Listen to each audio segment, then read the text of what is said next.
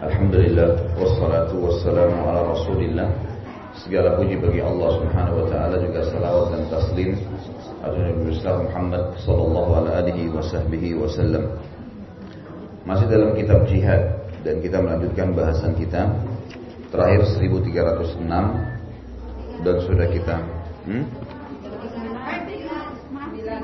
sekarang 309 Terakhir 1309, sekarang kita masuk 1310 ya. Saya bacakan seperti biasa wa an Imran bin Husain radhiyallahu anhu anna Rasulullah sallallahu alaihi wasallam fada rajulain minal muslimin bi rajulin musyrik. Akhrajahu Tirmidzi wa sahahu wa asluhu 'inda Muslim. Dari Imran bin Husain seperti biasa ibn diganti bin radhiyallahu anhu bahwa Rasulullah sallallahu alaihi wasallam pernah menebus dua orang laki-laki muslim dengan seorang laki-laki musyrik. Riwayat Tirmidzi hadis sahih dan asalnya dalam riwayat atau riwayat sahih Muslim. Hadis ini memberikan gambaran kepada kita tentang bolehnya menukar tawanan, saling menukar tawanan. Dan pernah Nabi Shallallahu Alaihi Wasallam memberikan syarat kepada orang-orang musyrik agar mengembalikan dua tawanan Muslim dengan satu, ya. satu orang musyrik. Dua orang Muslim ditukar dengan satu orang musyrik. Jadi orang musyrik ini dipulangkan ke Mekah satu orang, mereka mengembalikan dua orang Muslim. Hadis ini memberikan pelajaran kepada kita bahwa saya dalam masalah jihad ada tawanan perang. Dan sudah saya jelaskan pada pertemuan yang lalu kita harus berbuat baik pada tawanan perang. Mengobati lukanya, bertutur kata yang santun, menawarkan Islam padanya, memberikan makan dan minum. Ini semua adalah bagian daripada perintah agama kita. Dan ini tentu diharapkan agar menjadi ibadah di sisi Allah karena Allah yang perintahkan untuk itu dan juga bisa menjadi penyebab masuk Islamnya. Bisa menjadi penyebab masuk Islam orang yang sedang ditawan. Pelajaran yang lain adalah bagaimana bisa menukar, bisa seseorang menukar antara tawanan satu sama yang lain dan muliakan seorang tawanan muslim. Dalam arti kata, kita bisa menebus dengan nilai apa pun, bahkan pernah ada terjadi jenazah muslim yang sudah mati itu oleh Nabi Shallallahu Alaihi Wasallam ditebus, ditebus agar diurus jenazahnya secara Islam. Karena kadang-kadang di tempat orang kafir bisa saja disalahgunakan. Mungkin dibakar, mungkin malah dihinakan dan seterusnya. Maka Nabi SAW menebus jenazah pun ditebus oleh Nabi SAW. Kalau dalam hadis kita ini adalah yang ditebus orang yang masih hidup. Tapi kita tunjukkan kemuliaan muslim. Kalau satu orang kafir itu akan diganti dengan dua orang muslim. Satu orang kafir diganti dengan dua orang muslim. Tentu saja kalau cuma satu tawanan muslim diganti dengan satu orang kafir juga sama saja hukumnya. Tetapi di sini kita dianjurkan sesuai dengan petunjuk dari Nabi Shallallahu Alaihi Wasallam agar satu orang kafir ditukar dengan dua orang muslim. Ya, dua orang muslim artinya memang muslimnya lebih mulia dan kita tidak butuh membayar yang seimbang untuk menebus tawanan perang kaum muslimin. Hadis 1311 وعن صخر بن وعن صخر بن عيلة أن النبي صلى الله عليه وسلم قال إن القوم إذا أسلموا أخرزوا دماءهم وأموالهم أخرجه أبو داود ورجاله موثوقون dari Sakhar bin Al-Aila radhiyallahu anhu bahwa Nabi Shallallahu alaihi wasallam bersabda, sesungguhnya suatu kaum bila mereka masuk Islam berarti telah menyelamatkan darah dan harta mereka. Riwayat Abu Dawud dan para perawinya dapat dipercaya. Hadis ini menunjukkan kepada kita tentang asas utama jihad. Jadi semua surat Nabi Shallallahu Alaihi Wasallam yang ditujukan kepada orang-orang pemimpin-pemimpin kafir pada saat itu, Raja Romawi, Raja Persia. Ya. Surat-surat Nabi Shallallahu Alaihi Wasallam ini isinya adalah setelah menawarkan Islam, memperkenalkan diri beliau sebagai utusan Allah, menawarkan Islam. Kemudian kalau nolak jizyah, kalau menolak ada peperangan, tapi pada saat menawarkan Islam dikatakan masuk Islamlah kau akan selamat. Masuk Islamlah kau akan selamat. Juga dalam hadis yang lain di Bukhari berbunyi Nabi SAW mengatakan siapa yang Aku diperintahkan memerangi manusia sampai mereka syahadat. Dan kalau sudah syahadat, maka seluruh hartanya, jiwanya, ini dibawa naungan Islam. Artinya tidak boleh lagi ada peperangan. Kecuali dengan hak Islam itu sendiri. Jadi misal ada orang sudah masuk Islam, mu'allaf, lalu membunuh, maka dibunuh juga tentunya. Tapi selama dia muslim, haram. Nggak boleh seorang muslim mengganggu muslim yang lain. Sebagaimana dalam hadis Nabi SAW, mencaci maki seorang muslim adalah dosa besar dan juga membunuhnya adalah kekafiran. Siapa pun dia, selama dia sudah syahadat. Tentu Bapak Ibu masih ingat riwayat tentang Usama bin Zaid radhiyallahu anhu yang pernah membunuh seseorang yang sudah syahadat. Kemudian dia menganggap dirinya benar. Maka Nabi SAW mengatakan, apa kau sudah belah dadahnya sampai kau tahu dia bohong atau tidak? Sampai Usama berharap pada saat itu dia meninggal masuk di kuburan dan sudah tidak keluar lagi. Memang karena besarnya ancaman Nabi SAW kepada Usama bin Zaid kenapa membunuh orang yang sudah sempat syahadat. Ini makna globalnya hadis. Yang kita bisa ambil daripada hadis ini pelajaran pertama adalah bagaimana seseorang muslim faham siapa pun yang sudah menerima Islam tidak boleh diganggu gugat. Dalam arti kata tidak boleh diganggu gugat tidak boleh lagi ada peperangan menghadapi dia. Kecuali juga dengan haknya Islam kecuali dengan haknya Islam. Ya. Jadi artinya memang dia melanggar hukum Islam barulah dia dihukum seperti itulah. Yang kedua, di sini disebutkan akan aman hartanya dan jiwanya. Dan tentu ini adalah asas yang lain dalam agama kita. Sesuatu yang sangat penting dalam kehidupan manusia adalah harta dan jiwa. Kapan dia selamat aman secara jiwa, hartanya juga aman, maka ini berarti sudah aman hidupnya. Ada riwayat lain dikatakan aman hartanya, jiwanya dan keluarganya. Tiga hal ini kalau ada dalam diri seseorang dia merasa aman dengannya, jiwanya tentram, hartanya juga aman, dia bisa menjaga, dia bisa menggunakan, dia bisa menyimpan, dia bisa menginvestasikan dan juga ya, keluarganya aman, istri anaknya tidak terganggu, maka dia akan sangat tentram. Makanya bahasa dalam hadis adalah yang syahadat terjamin harta dan jiwanya. Ya, tidak akan ada yang ganggu. Pelajaran yang ketiga adalah semua orang yang syahadat memiliki hak pembelaan terhadap orang muslim atau dari orang muslim.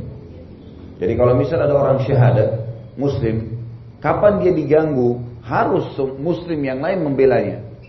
Gak bisa diam. Artinya setelah dia syahadat dia tidak akan terganggu oleh kaum muslimin. Sisi yang lain dia juga akan mendapatkan jaminan kalau dia diganggu oleh orang lain, muslim atau kafir akan ada pembelaan. Dan yang membela ini bukan satu dua orang, tapi pemerintah Islam punya kewajiban membela. Sebagaimana sudah pernah saya ceritakan kisah seorang wanita dari suku eh, muslim muslimah yang belanja di pasar Kainuka, suku Yahudi lalu diganggu, disobek bajunya sehingga kelihatan auratnya, maka Dibunuhlah si Yahudi tadi oleh seorang muslim yang lewat. Lalu si muslim itu dibunuh oleh satu pasar orang Yahudi. Nabi SAW waktu tahu berita mengepung semua suku Kainuka dan meminta siapa yang membunuh muslim tapi mereka tidak mau kasih akhirnya mereka yang dihukum dan dikeluarkan dari kota Madinah. Jadi ini pelajaran-pelajaran yang bisa diambil daripada hadis tentang masalah e, pentingnya seseorang kalau sudah syahadat mendapatkan jaminan-jaminan. Baik dia dapat jaminan tidak akan diganggu oleh muslim yang lain Kemudian juga jaminan yang lain kalau dia sampai diganggu oleh muslim atau orang lain non muslim juga walaupun dia mualaf maka juga sama dia akan dibela. Dari hadis ini juga diambil pelajaran oleh sebagian ulama tentang masalah mualaf mualaf itu wajib dinaungi oleh pemerintah Islam. Semua mualaf wajib dilindungi oleh pemerintah Islam. Dan alhamdulillah pemerintah kita sudah mengizinkan setiap masjid terutama masjid-masjid besar itu bisa mengeluarkan surat sertifikat Islam. Ya. Sehingga keluarlah di situ pernyataan kalau dia masuk Islam tanpa paksaan dan seterusnya dan dia akan dengan surat itu dia dapat jaminan bahwasanya semua muslim akan membelahnya, pemerintah Islam akan membelahnya kalau sampai ada yang menyakitinya karena dia masuk Islam bukan paksaan. Ini juga yang dimaksud dengan hadis atau diambil daripada hadis kita ini. Kemudian hadis yang lain adalah 1312. Wa an Jubair bin Mut'im radhiyallahu anhu anna Nabiy sallallahu alaihi wasallam qala fi asara Badrin لو كان المطعم بن أضي حيا ثم كلمني في هؤلاء في في هؤلاء نتنا لترك لتركتهم له رواه البخاري dari Jubair bin Mut'im radhiyallahu anhu Nabi SAW bersabda mengenai para tawanan perang Badr seandainya Mut'im bin Adi masih hidup kemudian berbicara kepadaku tentang pelepasan orang-orang busuk ini, aku akan serahkan mereka kepadanya. Kita lihat footnote nomor satu. Sebagai imbalan baginya atas perlindungannya terhadap Rasulullah SAW, yaitu ketika Rasulullah SAW kembali dari Taif bersama Zaid bin Harisa radhiyallahu anhu setelah berdakwah kepada mereka untuk masuk Islam. Waktu itu gangguan Quraisy memuncak setelah kematian pamannya Nabi SAW Abu Talib dan istri beliau Khadijah radhiyallahu anha. Maka beliau tidak dapat memasuki Mekah setelah dianiaya oleh penduduk Taif kecuali bersama Mutim bin Adi. Jadi Mutim bin Adi ini salah satu kepala suku di Mekah dan dia memiliki anak lebih dari 10 orang. Semua anaknya ini laki-laki itu mendampingi Mutim bin Adi ke mana pun dia jalan dan selalu menggunakan pedang. Siap mati untuk ayahnya. Selain daripada itu Mutim bin Adi juga kepala suku. Dan sukunya pun berperilaku yang sama. Membela Mutim bin Adi ini. Maka Nabi SAW satu waktu pergi kota Taif mendakwahi mereka mereka nolak. Mereka nggak mau. Sampai pernah saya ceritakan waktu Nabi SAW datang ke kota Taif ada Abu Lahab pamannya sendiri yang membenci sekali dakwah sampai dia pun menyuruh anaknya yang laki-laki menceraikan anak Nabi Shallallahu Alaihi Wasallam. Karena pernah ini besan dengan Nabi SAW. Maka pada saat itu dia pun datang ke kota Taif dan mengatakan akan datang seseorang bernama Muhammad di sini dan ini adalah ponakan saya, saya tahu dia. Dia pendusta, dia penyihir, jangan didengar dan seterusnya. Sampai Allah swt ya menghinakan Abu Lahab dengan turun surah Al-Masad ya, menceritakan tentang dia pasti masuk neraka bersama dengan istrinya. Ringkas cerita waktu Nabi SAW masuk ke kota Taif, pada saat itu Bapak Ibu sekalian, orang-orang Taif menolak karena Abu Lahab dikenal. Maka ditolaklah dakwah Nabi SAW oleh ketiga anak kepala suku kota Taif. Waktu mau keluar, Nabi SAW bilang sama mereka, izinkan saya berdakwah di kaum kalian kalau kalian tidak mau dengar. Maka mereka mengatakan tidak mungkin. Malah mereka menyuruh kaumnya untuk melempari Nabi SAW dan dirajam dengan batu. Tapi yang dilempar adalah telapak kaki Nabi SAW. Setiap kali ada kaki yang diangkat dilempar batu berdarah. Yang, ditu, yang, yang diangkat kalau turun yang kanan, kiri yang diangkat, kiri yang dilempar batu. Dan ribuan orang. Satu kota Taif melempari Nabi SAW yang waktu itu berjalan dengan Zaid bin Haritha radhiyallahu anhu. Ini adalah anak angkat Nabi Wasallam. Kemudian setelah keluar dari kota Mekah dalam kondisi capek, letih, kemudian datanglah Jibril alaihissalam dan mengatakan, Hai Muhammad, Allah telah mengutusku dan bersama di sebelahku malaikat penjaga gunung. Dan tinggal engkau titahkan saja, pasti dia akan menyatukan antara gunung Taif sama gunung Mekah. Sehingga hancurlah dua kota ini. Hilang dalam sejarah manusia. Gitu kan. Lalu berkata Nabi SAW, tidak, saya akan bersabar. Karena memang Jibril memberikan opsi. Kalau kau mau hancurkan dua kota ini, karena perilaku mereka padamu, kalau kau ingin bersabar, maka sabarlah dan agamamu pasti akan diterima oleh mereka. Maka Nabi SAW mengatakan saya sabar, ya, saya sabar dan saya berharap dari kota ini keluar ya, orang-orang dari ya, yang beriman kepada Allah dari kota Taif ini. Pulanglah Nabi SAW. Waktu mau masuk kota Mekah, kesulitan karena waktu itu baru saja meninggal, baru saja meninggal Abu Talib yang selama ini membela beliau SAW dan juga istrinya Khadijah dikenal dengan tahun kesedihan. Dikenal dengan tahun kesedihan. Maka pada saat itu pun Abu Talib, eh, pada saat itu Nabi SAW dihina oleh orang-orang Quraisy sampai mereka berani meletakkan kotoran unta di tubuh Nabi SAW lagi sujud. Ada di antara mereka berani meletakkan telapak kakinya di batang leher Nabi SAW pada saat lagi sujud. Ya. Mereka menyiksa seluruh muslimin, baik yang merdeka ataupun orang-orang yang menjadi budak, jadi sahaya pada saat itu. Maka Nabi SAW lihat tidak ada lagi keamanan di Mekah. Semua orang tidak ada yang memberikan jaminan. Maka Nabi SAW sempat menulis surat kepada Mut'im bin Adi ini. Menyurat dari luar Mekah, menyuruh Zaid bin Hadith dan menulisnya lalu mengirim ke dalam dan mengatakan kepada Mut'im bin Adi, Kalau minta jaminan, maka Mutim bin Adi pun mengatakan baiklah, saya menjaminmu. Masuklah Nabi SAW ke Mekah, Mutim bin Adi menggunakan baju perang, berikut dengan 10 orang anak laki-lakinya mengelilingi Nabi SAW dan tawaf di Ka'bah. Orang-orang Quraisy itu lihat Mutim bin Adi, ditahu dia dengan anak-anaknya adalah orang-orang yang sangat pemberani, juga Mutim bin Adi adalah kepala suku yang dihormati di Mekah, maka mereka bertanya, Hai Mutim, ini cuma perlindungan atau kau sudah pindah ke agamanya? ini cuma perlindungan atau kau pindah ke agamanya? Maka kata Mutim ini cuma perlindungan dan saya tidak pindah ke agamanya. Maka orang-orang Quraisy pun mengatakan kalau begitu silakan, terserah kamu saja. Maka Nabi SAW berhasil masuk ke Mekah dan akhirnya bisa hidup lagi tanpa diganggu oleh orang-orang Quraisy sampai tiba masa hijrahnya kaum muslimin ke Madinah. Waktu tahun 2 Hijriah terjadi perang Badar yang sudah saya juga ceritakan kisahnya bagaimana perang Badar terjadi pada saat itu karena ada kafilah Abu Sufyan yang datang dari negeri Syam mau kembali ke Mekah. Kemudian di tengah jalan e, ditahan oleh Nabi oleh berusaha Nabi oleh Nabi SAW berusaha menahan untuk mengambil sebagian daripada atau mengambil isi kafilah itu untuk dibagikan kepada muhajirin sahabat yang hijrah dari Mekah ke Madinah yang mereka memang dasarnya haknya diambil. Tapi berhasil lolos kafilah Abu Sufyan, tapi Abu Sufyan juga sempat menyurat ke Mekah agar Abu Jahal datang. Abu Jahal datang bersama pasukannya sampai terjadi perang Badar bersama Nabi Shallallahu Alaihi Wasallam. Kisah yang sudah pernah saya sebutkan tentunya.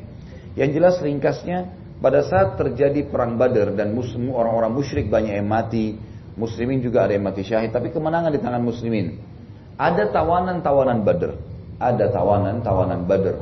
Tawanan Badar ini banyak sekali orang-orang musyrik. Hampir seluruh pasukan yang seribu orang itu, ratusan orang di antara mereka sampai tujuh ratus orang itu menjadi tawanan perang. Menjadi tawanan perang. Cukup banyak. Sementara jumlah muslimin pada saat itu hanya 300-an. Jadi tawanan badar saja dua kali lipat dari pasukan muslimin. Nabi SAW waktu itu memberikan kesempatan. Kita apakan nih di musyawarah sama sahabat. Kita apakan tawanan-tawanan badar ini. Ditanya oleh beberapa sahabat ada yang mengatakan, ya Rasulullah kita maafin saja biar orang tahu Islam ini adalah agama yang rahmatan lil alamin dan seterusnya. Kemudian ada yang mengatakan tidak ya Rasulullah kita lepaskan tapi dengan syarat mereka bayar tebusan supaya mereka juga tidak menganggap ria agama kita. Semua pendapat sahabat berputar di pendapat ini kecuali Umar bin Khattab. Radhiyallahu Umar bin Khattab waktu ditanya oleh Nabi SAW, Umar bin Khattab dengan tegas mengatakan, Ya Rasulullah, datangkan orang yang terdekat dari saya, dari kerabat saya, dari pasukan Quraisy itu dan saya tebas lehernya. Datangkan juga yang terdekat kerabatnya Abu Bakar biar Abu Bakar yang menebas lehernya dan seterusnya. Lalu Nabi SAW tanya, kenapa hai Umar? Kenapa harus sekeras itu? Maka kata Umar, ya Rasulullah, orang-orang ini keluar dari Mekah memang niat untuk memerangi Islam. Kebetulan kita menang. Kalau kita yang kalah, kita yang sudah dibunuh oleh mereka. Biarkan ini peperangan pertama dalam Islam, tunjukkan kebenaran Islam itu sendiri. Dan hukum orang-orang yang jahat seperti ini. Maka Nabi SAW cenderung dengan pendapat waktu itu Abu Bakar yang mengatakan, maafkan sambil ya kita mengambil tebusan. Habis sholat subuh besok harinya, Nabi SAW dengan Abu Bakar sempat menangis. Sempat menangis di dalam kemah, masih di lokasi peperangan tentunya. Maka Umar pun datang dan berkata, kenapa ya Rasulullah, kenapa hai Abu Bakar, ada apa yang membuat kalian berdua menangis? Beritahukan kepada saya, supaya saya ikut menangis. Gitu. Karena tidak mungkin Nabi SAW sama Abu Bakar menangis kecuali berita yang penting. Gitu. Maka Nabi SAW mengatakan, hai Umar telah turun firmannya Allah, kalau bukan karena Allah, kalau bukan karena takdir Allah, maka kami semua akan binasa kecuali kau, hai Umar. Maka kata Umar, kenapa ya Rasulullah? Sambil menangis dia menanyakan, kenapa ya Rasulullah? Kata Nabi SAW telah turun firman Allah yang mendukung pendapatmu. Mestinya memang tawanan Badar itu dibunuh. Karena mereka keluar dengan pas dengan senjatanya, dengan keterampilan perangnya. Ini kalau dibebasin bisa bentuk pasukan lagi menyerang muslimin lagi. Harusnya seperti itu. Kan? Karena memang mereka dasarnya Kebetulan karena kalah saja. Kalau tidak kalah mereka akan buat masalah. Tetapi Allah subhanahu wa ta'ala menurunkan firmannya. Karena Nabi SAW sudah ambil keputusan. Maka kalau bukan karena takdirnya Allah. Tentu akan terjadi azab Allah atau hukuman Allah datang kepada kalian. Akhirnya keputusan yang diambil adalah keputusan Nabi SAW dan Allah memaafkan nabinya tentunya pada saat itu karena memang Nabi SAW telah dimaafkan oleh Allah yang telah lalu dan juga yang akan datang dosa-dosanya. Maka Allah Subhanahu wa taala memaafkan Nabi sallallahu alaihi wasallam dan akhirnya keputusan yang dipakai adalah keputusan semua tawanan Badar boleh dilepas tapi dengan tebusan bayar. Ya. Masalah kesepakatan bayar itu Nabi SAW yang tentukan dan saya pribadi tidak pernah temukan riwayat berapa per kepala orang ini dibayar. Yang saya tahu adalah Nabi SAW hanya menerima berapapun tebusan yang mereka bawa. Kalau ada yang membawa hewan ternak maka diterima, ada yang membawa emas maka diterima, yang membawa perak diterima. Karena Nabi SAW tujuannya hanya untuk menunjukkan kalau kalian salah, makanya ada hukumannya gitu. Seperti itulah. Maka Nabi SAW waktu itu, waktu orang-orang Badr banyak sekali yang ditawan orang-orang Quraisy ini, beliau menyebutkan kalimat dan memperdengarkan kepada orang-orang Quraisy yang ada di situ. Kata beliau, kalau seandainya Mut'im bin Adi, kebetulan Mut'im bin Adi yang membela Nabi tadi SAW untuk masuk dari Taif ke Mekah, sudah meninggal dunia. Dan tidak ikut, tidak ikut di Badr. Kata Nabi SAW, kalau Mut'im bin Adi masih ada, masih hidup, dan dia datang kepadaku, dia yang bilang, hai Muhammad bebaskanlah, saya bebasin semua tanpa tebusan. Tanpa tebusan. Kenapa? Karena Mutim bin Adi punya jasa. Tadi waktu Nabi SAW di Mekah, mau masuk nggak ada yang bisa berikan jaminan, dia membela Nabi SAW dengan anak-anaknya. Dan dia siap mati, siapa yang ganggu Muhammad di bawah naungan saya maka saya bunuh dia, perang. Gitu. Maka sebagai balas jasa Nabi SAW Kemudian me, me, uh, mengatakan kalau Mutim bin Adi ada saya akan dan bicara dengan saya saya akan lepaskan semua tawanin tanpa tebusan. Ini hadis dan ini memang berhubungan dengan masalah bab jihad.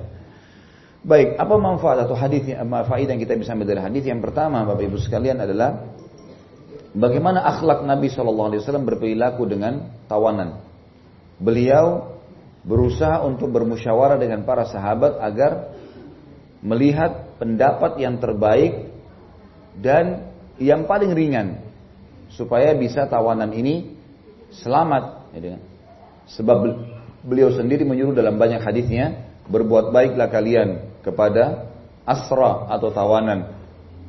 Disuruh obatin luka mereka, disuruh berikan makanan yang terbaik dan itu bagian daripada perintah Nabi SAW yang berarti ibadah. Yang berarti ibadah. Yang kedua, kalau Nabi SAW mengajarkan kepada kita pentingnya seseorang menilai kebaikan orang lain. Dan ini sebuah ini sebuah kaidah penting dalam agama kita. Kita harus bisa menilai kebaikan orang lain. Walaupun dia berbuat baik sekali seumur hidup, maka dalam Islam disuruh kita menonjolkan kebaikan tersebut dan mengenangnya dan mengenangnya. Makanya Nabi SAW pernah kedatangan tamu yang merupakan sahabatnya Khadijah dengan adik kandungnya Khadijah pada saat datang ke rumah Nabi SAW, Nabi buru-buru berdiri dan menyuruh Aisyah untuk melayaninya. Karena memang waktu ditanya siapa ya Rasulullah, kata Nabi SAW, ini adalah adiknya Khadijah dan temannya Khadijah yang dulu selalu mengunjungi kami di Mekah. Karena jasanya mereka datang menjenguk Nabi SAW dan datang ziarah ke rumah Nabi, Nabi balas. Ya, sampai kapan pun dibalas. Padahal sebenarnya pada saat itu ada beberapa asal yang menyebutkan keduanya ya, tinggal dari kota jauh dan memang ada yang riwayat menjelaskan mereka masih dalam keadaan kufur keduanya Tapi Nabi SAW menghormati keduanya karena memang dulu di Mekah punya hubungan yang baik. Juga kita tahu riwayat tentang Umar bin Khattab yang berkata, saya akan terus berterima kasih sepanjang hidup saya kepada seseorang yang mengingatkan satu kesalahan saya. Ini adab dalam Islam. Jadi kalau misalnya ada orang pernah mengingatkan kesalahan kita sekali atau pernah membantu kita sehingga keluar dari masalah sekali saja seumur hidup, itu harus selalu dikenang. Dan ini ibadah. Ini adalah ibadah. Dalam sebuah hadis yang sahih kata Nabi SAW, "Man lam yashkuru man lam man lam yashkurun nas la yashkurullah." Siapa yang tidak menilai kebaikan orang lain, tidak berterima kasih pada kebaikan manusia, kafir atau Islam, maka dia tidak berterima kasih pada Allah. Dia tidak, belum dihitung bersyukur kepada Allah. Banyak kasus, misal contoh ada banyak orang pada saat dia lagi pepet, butuh, lalu kemudian dia butuh utang, dia sampaikan kepada seseorang. Kemudian ke, ke, setelah dibantu, lalu dia keluar dari masalahnya. Tiba-tiba dia sudah punya modal, dia punya usaha dan terus berkembang. Seakan-akan orang yang pertama nggak pernah bantu dia. Mungkin karena ekonominya sekarang lebih baik daripada orang tersebut. Ini dalam agama adalah satu perbuatan yang jelek dan dinilai dinilai dosa ya, di sisi Allah Subhanahu wa taala karena tidak berterima kasih dan menilai kebaikan orang. Ali bin Abi Thalib berkata radhiyallahu anhu, saya akan siap melayani seseorang yang mengajarkan kepada saya satu huruf, bukan mengajarkan ilmu yang luas, satu huruf. Saya akan terus berterima kasih pada orang tersebut dan siap melayaninya selama dia mengajarkan kepada saya satu huruf. Bagaimana dengan orang yang mengajarkan kita dari SD dulu ilmu-ilmu? Banyak kita sudah lupakan guru-guru kita. Kita tidak pernah mengenang kebaikan-kebaikan mereka. Padahal sebenarnya ini semua satu kebaikan dalam hidup kita sudah cukup untuk membuat kita membalas orang tersebut dan mengenangnya seumur hidup kita. Makanya puncak daripada berbuat baik orang tua. Puncaknya adalah orang tua. Sampai mereka mau caci maki, mereka mau marah, tetap Allah mengatakan wala tanharhuma wa kullahuma qaulan karima. Jangan bentak-bentak orang tuamu. Jangan juga kamu mengucapkan kecuali perkataan yang santun. Karim itu super santun.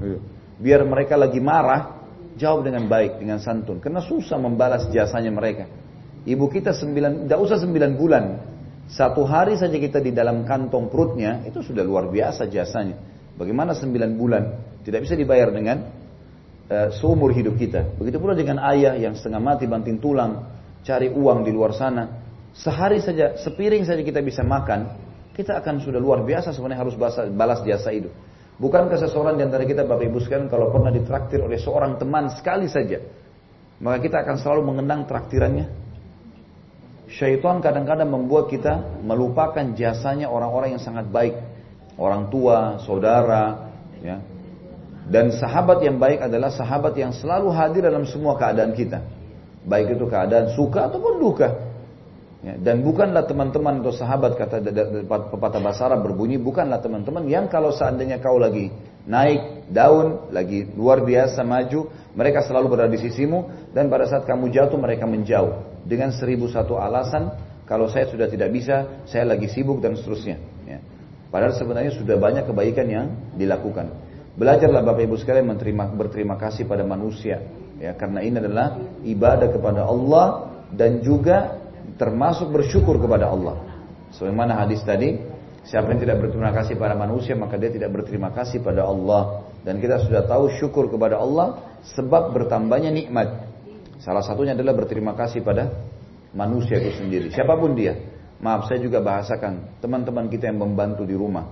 Itu biar bagaimana punya jasa. Betul kita kasih gaji ke dia. Tapi bukankah dia sudah melakukan? Kira-kira ibu-ibu mau nggak kerjain pekerjaannya tiap hari, baju menumpuk, tiap hari nyapu, tiap hari bersihin ini? Nggak mudah. Bagaimana kalau dia bekerja sama kita 5 tahun, 10 tahun?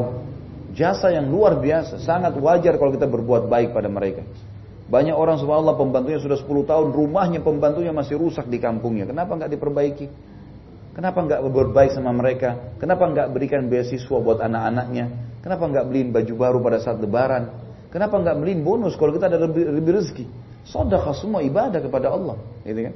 Berbuat baik dengan orang yang sudah berbuat baik dengan kita. Gitu. Kadang-kadang subhanallah kita buka lemari sudah rapi bajunya. Sudah disetrika, sudah dicuci, sudah segala macam. Itu jasa yang luar biasa. Teman-teman kita yang bawa mobil jadi supir.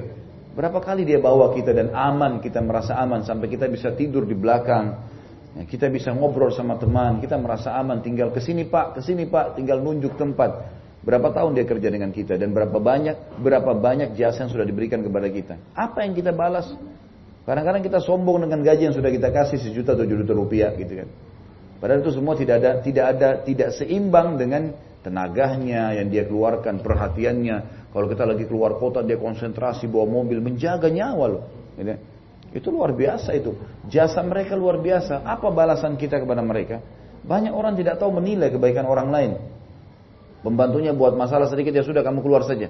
Baik, mungkin masih bisa dimaafkan, mungkin cuma pecahin piring, mungkin cuma pecahin gelas, mungkin tidak sengaja. Ada orang sombong, ya, sampai pembantunya nggak boleh duduk di sebuah sofa ke tempat duduk, ya. Saya dapat informasi sampai pada tingkat seperti itu. Padahal apa kata Nabi SAW? Kalau pembantumu membawakan kepadamu makanan, maka semestinya dia mengajaknya duduk makan atau minimal dia memberikan bagian untuknya karena dia sudah mencium baunya, dia sudah memasakkan dan menghidangkan. Itu adabnya secara syar'i. Berapa banyak orang tidak melakukan itu? Dipisahin antara berasnya sama beras pembantunya atau mungkin piringnya sama piring pembantunya. Kenapa ini teman-teman sekalian? Kalau keadaan dia seperti kita ekonominya dia tidak akan lakukan itu. Dia tidak akan jadi pembantu. Hati-hati, jangan sampai kita tidak bertakwa pada Allah. Kata Nabi SAW, bertakwalah kalian pada pembantu-pembantu kalian. Harus patuh kepada Allah dan hati-hati dengan hak mereka. Karena sesungguhnya Allah yang telah menundukkan mereka melayani kebutuhan-kebutuhan kalian. Allah yang telah menundukkan mereka melayani kebutuhan-kebutuhan kalian. Allah yang menggerakkan mereka. Ini contoh saja. Begitu pula kita tarik dalam segala lini kehidupan kita. Berapa banyak orang yang sudah berbuat baik dengan kita dalam banyak hal. Kan.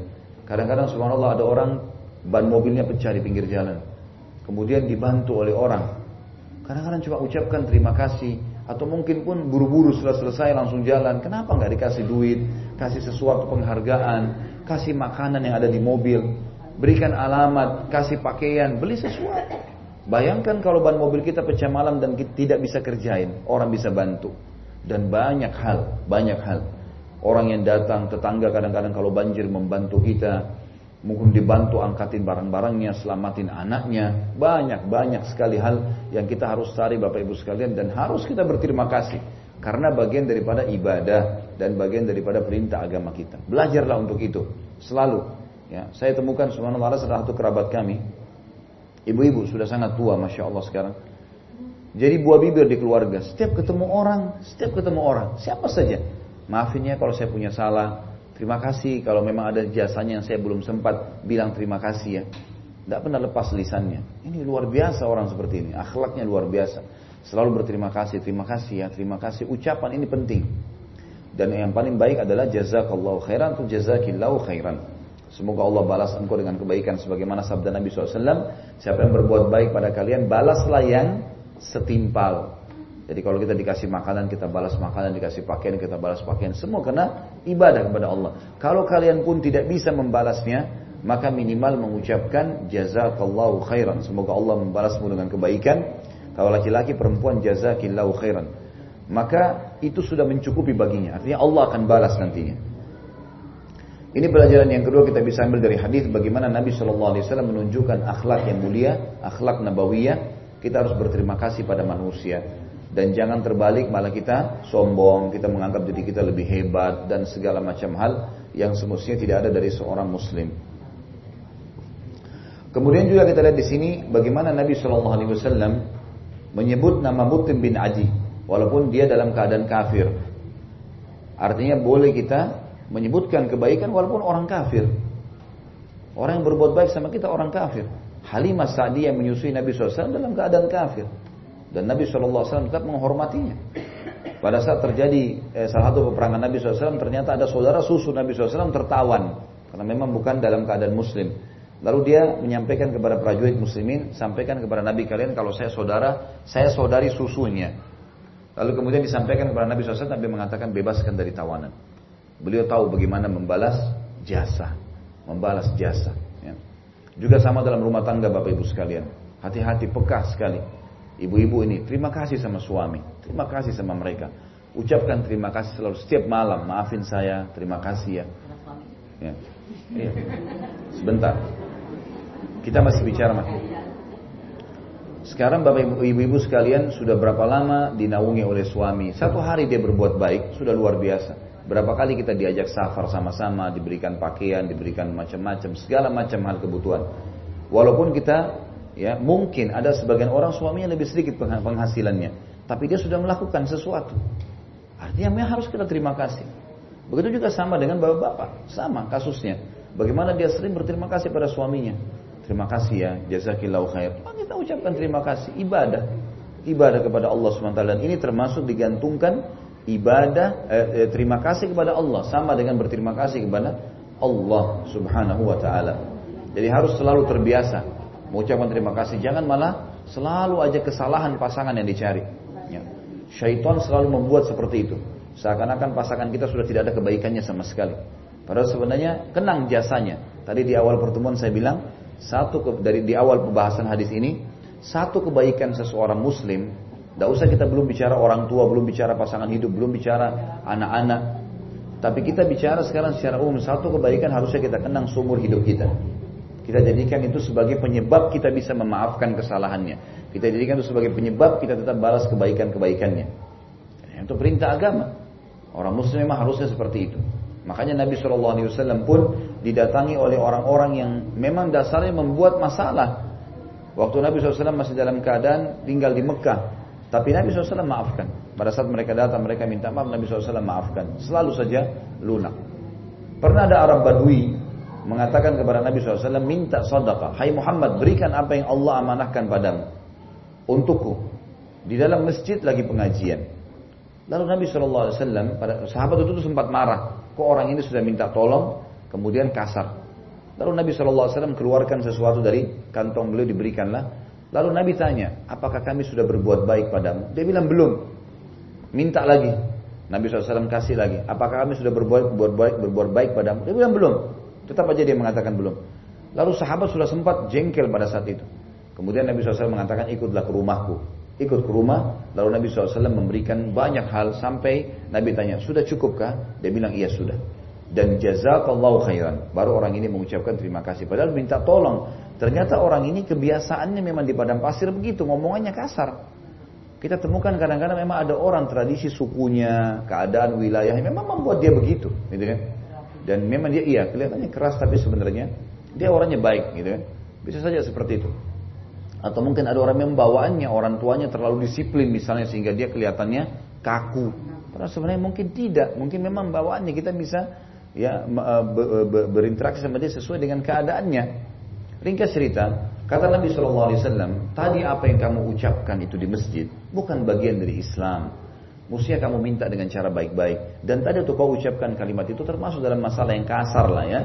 E, dan sahabat-sahabatku ada sesuatu yang mengganjal di hatinya terhadapmu. Maksudnya Nabi SAW nanti khawatir jangan ketemu di jalan. Lalu sahabat ada yang gebukin atau ada yang marah sama dia gitu ya. Maka apa yang kau ucapkan sekarang sangat baik. Saya mau kau sekarang masuk ke masjid bersama saya dan ucapkan kalimat terima kasihmu itu. Dia bilang baiklah. Masuk ke masjid kata Nabi SAW, hai saudara-saudaraku, Sesungguhnya saudara kita ini telah mengucapkan kalimat yang saya yakin membebani hati kalian tadi. Tapi dia sudah kami berikan dan dia berterima kasih. Ucapkanlah, diucapkanlah sama dia. Jazakallahu khairan. Kamu telah berbuat baik untukku.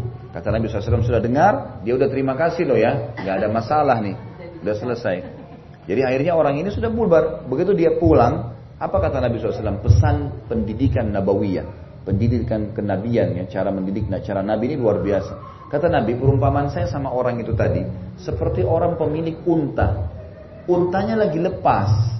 Kemudian banyak orang yang mau bantu mengejar unta itu, tapi mereka ya lari-lari, kejar, pegang kayu segala macam, menakut-takuti unta, makin jauh unta itu. Dan saya mengatakan, biarkan saya sama unta saya, biarin saya yang lunakkan, jangan kalian. Tapi kalian tetap mengejarnya. Sampai akhirnya saya berteriak mengatakan, berhentilah, biarkan saya dengan unta saya. Pada saat kalian membiarkannya, saya pun datang membawa rumputan. Kemudian saya menawarkan ke unta itu, lalu unta itu pun datang dan jinak bersama saya. Kalau seandainya saya membiarkan kalian menggemukinya, kalian mencaci maki, maka unta itu malah tambah jauh. Kalau saya biarkan tadi kalian melakukan itu pada orang ini, dia makin membenci Islam dan dia masuk neraka gara-gara itu. Tapi setelah saya lakukan ini, dia sudah merasa perbuatannya salah, kemudian dia terima kasih, maka sudah saya maafkan. Artinya ini pendidikan Islam. Memang harus begitu. Berapa banyak orang tua dendam sama anaknya, menganggap anaknya ini berbuat salah, kemudian seumur hidup dikenang. Kenapa harus begini? Gak ada loh ya, gak ada dendam dalam Islam, tidak ada putus asa, tidak ada berangan-angan kosong, ini gak ada semua ini. Kita tahu dalam Islam yang ada adalah motivasi selalu berbuat ke depan. Bukankah kata Nabi SAW kalau di tangan kalian ada biji dan kalian mau tanamkan, tapi kalian tahu besok kiamat tetap tancapin. Besok kiamat hancur nih, tapi tetap tancapin. Semua motivasi. Gak ada putus asa dalam Islam, gak ada. Sesuatu sudah terjadi, Allah masyafa, sudah terjadi sudah selesai masa lalu, sekarang ke depan. Selalu motivasi untuk berbuat baik. Kalau baik kita bersyukur, kalau buruk ya sudah kita beristighfar pada Allah kalau kita salah. Jadikan sebagai pelajaran dan pengalaman, udah selesai. Seperti itulah dalam Islam. Dan ini juga termasuk dalam berperilaku pada manusia. Di sini kita sudah saya bilang tadi, seperti Mutim bin Adi adalah seorang kafir, tapi kena jasanya Nabi SAW mengenangnya. Ya. Enggak, Mutim bin Adi ini di, di Mekah. Sudah Taif tadi sudah selesai sebelumnya. 1313 Wa Nabi Sa'id al-Khudri radhiyallahu anhu qala asabna sabaya yawma awtas lahunna azwaj fatakharraju fa'anzalallahu ta'ala wal muhsanatu minan nisa'i illa ma malakat aymanukum al-ayah akhrajahu muslim Abu Sa'id al-Khudri radhiyallahu anhu berkata kami mendapatkan beberapa tawanan yang bersuami pada perang Autas. Para sahabat kesulitan, lalu Allah menurunkan ayat artinya wanita-wanita yang bersuami haram untukmu, kecuali budak-budak yang engkau miliki. Al-ayat, riwayat Muslim. Autas adalah suatu lembah, ini dalam putun nomor satu, di wilayah Hawazim, di dekat kota Taif. Ya. Baik, saya terangkan ayat hadis ini. Dalam peperangan, kalau seandainya ada orang yang jadi tawanan, laki-laki atau perempuan, mereka menjadi sahaya. Sahaya ini boleh diperjualbelikan dan sunnah Nabi SAW dibebasin. Itu ibadah yang sangat besar sebagaimana sudah pernah saya jelaskan banyak dalam masalah ini. Kalau seandainya tawanan itu orang kafir dan punya suami, suami istri, maka ada seorang muslim mendapatkan itu sebagai tawanan perangnya, lalu dia ingin menikahi wanita itu, dia ingin menikahi wanita tawanannya tadi, maka dalam Islam dibolehkan. Dalam Islam dibolehkan. Dia punya suami. Dia punya suami tapi dalam keadaan kafir dan dia masuk dalam tawanan. Maka dengan masuknya menjadi tawanan hampir sama hukumnya dengan wanita kafir yang mengucapkan syahadat. Kalau wanita yang mengucapkan syahadat kemudian suaminya tidak syahadat, maka ini kan harus dipisahkan sementara. Dipisahkan sampai suaminya syahadat. Baru bisa gabung. Seperti kasus Zainab anak Nabi SAW dengan As bin Abi As, anak mantu Nabi SAW. Ini terpisahkan. Nah, begitu syahadat Zainab, As bin Abi As nggak mau. Sampai berapa tahun terpisahkan pada saat itu, setelah syahadat baru digabungkan. Baik. Bagaimana hukumnya wanita seperti ini? Wanita yang masuk Islam, ada suaminya, tapi kafir suaminya. Bolehkah laki-laki muslim menikahinya, sementara masih status istrinya orang kafir itu? Jawabannya boleh. Tapi syaratnya adalah dia memberikan mengembalikan maharnya. Jadi si laki-laki muslim memberikan mahar kepada suami kafir itu. Dengan dia memberikan mahar, orang itu setuju nggak setuju, secara hukum syari memang sudah terputus. Dia nggak boleh, kecuali dia mau masuk Islam. Karena nggak mungkin wanita muslimah digantung. Dia juga butuh pendamping gitu kan. Kalau ada laki-laki muslim siap membayar, mengembalikan maharnya, berapapun mahar itu dikembalikan, maka berarti sudah terbuka pintu untuk menikah dengan si laki-laki muslim. Ini yang dimaksud. Iya, tetap ada masa iddah. Tetap ada masa iddah berlaku tiga kali masa itu berlaku. Karena kan benihnya tidak boleh gitu kan. Benih tidak boleh ditimpa di atas, tidak boleh sperma ditimpa dengan sperma yang lain. Gitu kan. Tapi di sini hukum syari'nya adalah yang kita ambil hukumnya bolehnya seorang laki-laki muslim menikahi wanita yang sifatnya hamba sahaya dia dalam keadaan kafir ataupun wanita uh, walaupun dia ada suaminya ya, tapi di sini sama dengan orang juga yang wanita muslimah, wanita muallafah masuk Islam, suaminya kafir. Maka ini hukum syar'i dibolehkan karena si muslimah membutuhkan penaung, penaung laki-laki muslim. Tapi dia mengembalikan mahar. Dia mengembalikan mahar si suami kafir tadi. Ada banyak, ada banyak sahabat Nabi itu jumlahnya puluhan orang, mereka hijrah dari Mekah ke Madinah, suaminya diajak tuh, ayo masuk Islam gini, nggak ada yang mau. Dalam keadaan kafir dan bahaya. Ada di antara mereka bahkan yang mau membunuh istrinya, seperti hampir kasus Fir'aun untuk bunuh Asia. Karena Asia beriman kan, lalu dibunuh Asia sama dia. Nah ini diancam mati, mau dibunuh. Maka mereka hijrah ke Madinah. Waktu mereka hijrah ke Madinah, orang-orang Quraisy mengeluarkan isu fitnah kalau Muhammad merebut istri-istri kami. Muhammad merebut istri-istri kami. Maka turun firman Allah Subhanahu wa taala dalam ayat tadi yang sudah kita baca dalam hadis ini, ya. Kalau e, dan ada ayat lain juga yang berbunyi, jangan engkau hai Muhammad mengembalikan para perempuan muslimah itu kepada suami-suami mereka yang kafir. Karena mereka sudah tidak halal untuk orang-orang itu, orang-orang itu tidak halal lagi buat mereka. Lalu disuruhlah oleh Nabi SAW para sahabat menebus maharnya. Kalau ada yang mau nikahi wanita ini silahkan tapi syaratnya kembalikan maharnya kepada suami yang kafir tersebut. Yang kafir mau terima nggak terima itu bukan urusannya itu. Karena muslimah ini sudah berbahaya, dikembalikan pun ke dalam keadaan wanita eh, laki-laki kafir itu hukum syar'i terhitung zina sampai laki-laki itu uh, syahadat dan juga bisa berbahaya dari sisi akidahnya. Ini hukum syar'i. Jadi nanti uh, tentu kalau ada mau bertanya sebentar ya, supaya saya nggak lupa. Kadang-kadang poinnya takut lupa. Jadi Eh, ini secara hukum syari. Ini yang dimaksud dalam hadis kita. Ini uh, yang ditemukan sebagai harta rampasan perang pun atau wanita yang masuk Islam hukum syar'inya sebagaimana saya jelaskan tadi. Jadi walaupun ada suami kafir, suami kafir tentu ditawarkan ya. Masuk Islam lah, kamu akan bergabung sama istrimu. Terusnya ditawarkan Islam. Tapi pada saat dia nolak, dia nggak mau. Bahkan ada di antara mereka yang memaksa istrinya harus murtad. Gak bisa. Muslimin harus selamatkan akidahnya. Ini masalah masuk surga atau masuk neraka. Gitu. Nggak mungkin. Gitu kan. Maka hukum syari setiap muslim, bahkan sebagian ulama menekankan dianjurkan setiap muslim menolong wanita seperti ini. Bagaimana mereka menebus mahar-mahar tersebut, kemudian mereka menikahi wanita ini. Allah alam. Ini tentu yang di yang dimaksudkan dalam hadis yang sedang kita bahas.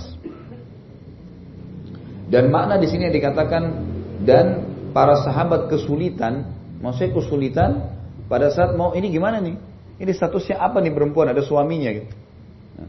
Bagaimana sekarang? Mereka jadi sahaya. Maka turunlah firman Allah menekankan masalah itu. Ya. Kemudian 1314.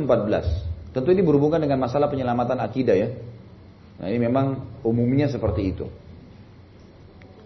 Wa Ibnu Umar radhiyallahu anhu maqal, "Ba'atha Rasulullah sallallahu alaihi wasallam sariyatan wa ana fihim." Qibala Najdin.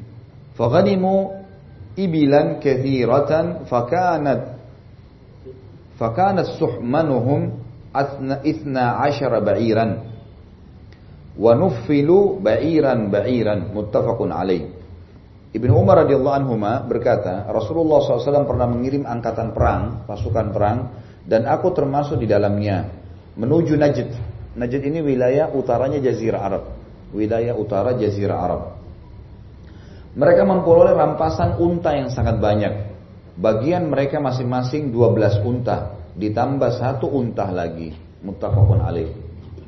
Hadis ini memberikan gambaran kepada kita tentang hukum ghanimah, harta rampasan perang dan saya sudah bilang itu hari kalau masih ingat, kalau seseorang muslim duel dengan seorang kafir di kancah peperangan di awal peperangan, belum terjadi peperangan, duel perang-perangan kemudian berhasil membunuh si kafir itu, maka semua yang ada dalam diri si kafir tadi jadi ghanimah dia. Misalnya baju perang, perisai dan seterusnya. Karena dia duel. Tapi kalau peperangan sudah terjadi, maka tidak boleh sama sekali ada yang mengambil ghanimah sampai dikumpulkan kepada panglima perang lalu dibagi rata oleh beliau.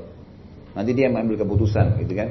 Dan ini disebutkan dalam surah Al-Anfal tentang masalah pembagian harta ghanimah. Ringkas cerita adalah nanti akan dibagi oleh panglima perang.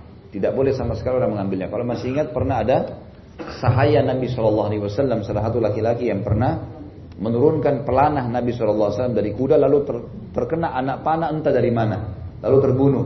Para para sahabat mengatakan berita gembira orang ini masuk surga karena mati syahid. Kata Nabi SAW dia tidak akan masuk surga. Ternyata dicek kantongnya ada sapu tangan dari ghanimah Khaybar yang diambil oleh orang ini. Gara-gara itu tidak jadi mati syahid. Jadi ghanimah harus dibagi rata. Nah yang kita lihat di sini, saking banyaknya unta yang didapatkan oleh pasukan perang ini, maka setiap orang mendapatkan 13 ekor unta. 12 ekor unta kemudian ditambah satu jadi 13 ekor unta. Dan dalam peperangan ini para sahabat berangkat ratusan orang yang berarti memang mereka mendapatkan ribuan ekor unta. Makanya salah satu sumber pendapatan Memang sumber rezeki adalah ghanimah, harta rampasan perang.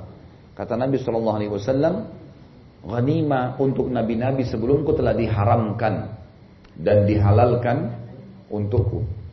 Hukum syar'inya begitu. Kalau sebelum Nabi Muhammad SAW, para nabi-nabi mereka kalau selesai berperang, semua peninggalan yang ditinggalkan oleh musuh, pedangnya, perisainya, tentu bukan hewan hewan hidup ya, benda-benda itu dikumpulin, lalu kemudian nabinya berdua datanglah petir dari langit membakarnya.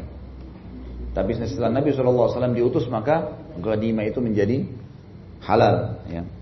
Hadis ini memberikan gambaran kepada kita tentang adanya ghanimah dan dibagi ratahnya oleh pimpinan perang. Ya. Dan ini menjadi halal bagi dia, bagi setiap mujahid itu. Buat dia dan keluarganya dia membawa pulang. Bahkan banyak antara mereka kadang-kadang mendapatkan sebidang tanah. Kalau waktu Persia takluk, itu 12 ribu. Kurang lebih jumlah uh, sahabat uh, yang masuk pada saat itu 30 ribu orang yang korban. Ya mungkin sekitar 27 ribu orang yang tersisa. Itu mereka mendapatkan pembagian di wilayah Persia. Wilayah yang sangat luas karena mereka pasukan yang masuk pada saat itu. Baik selanjutnya adalah 1315 wa anhu radhiyallahu anhu qal Qasama Rasulullah sallallahu alaihi wasallam yauma Khaybar lil farasin sahmaini walil rijali sahman. Muttafaqun alaihi wa lafdhu lil Bukhari. Dia juga berkata maksudnya Abdullah bin Umar radhiyallahu anhu bahwa Rasulullah sallallahu alaihi wasallam membagi harta rampasan perang Khaybar. Dan sudah kita jelaskan Khaybar wilayah orang-orang yang dikuasai Yahudi. Dua bagian untuk kuda dan satu bagian untuk orangnya.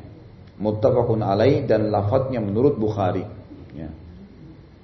Di sini dikatakan dalam hadis ini penjelasan tentang pembagian Nabi Shallallahu Alaihi Wasallam.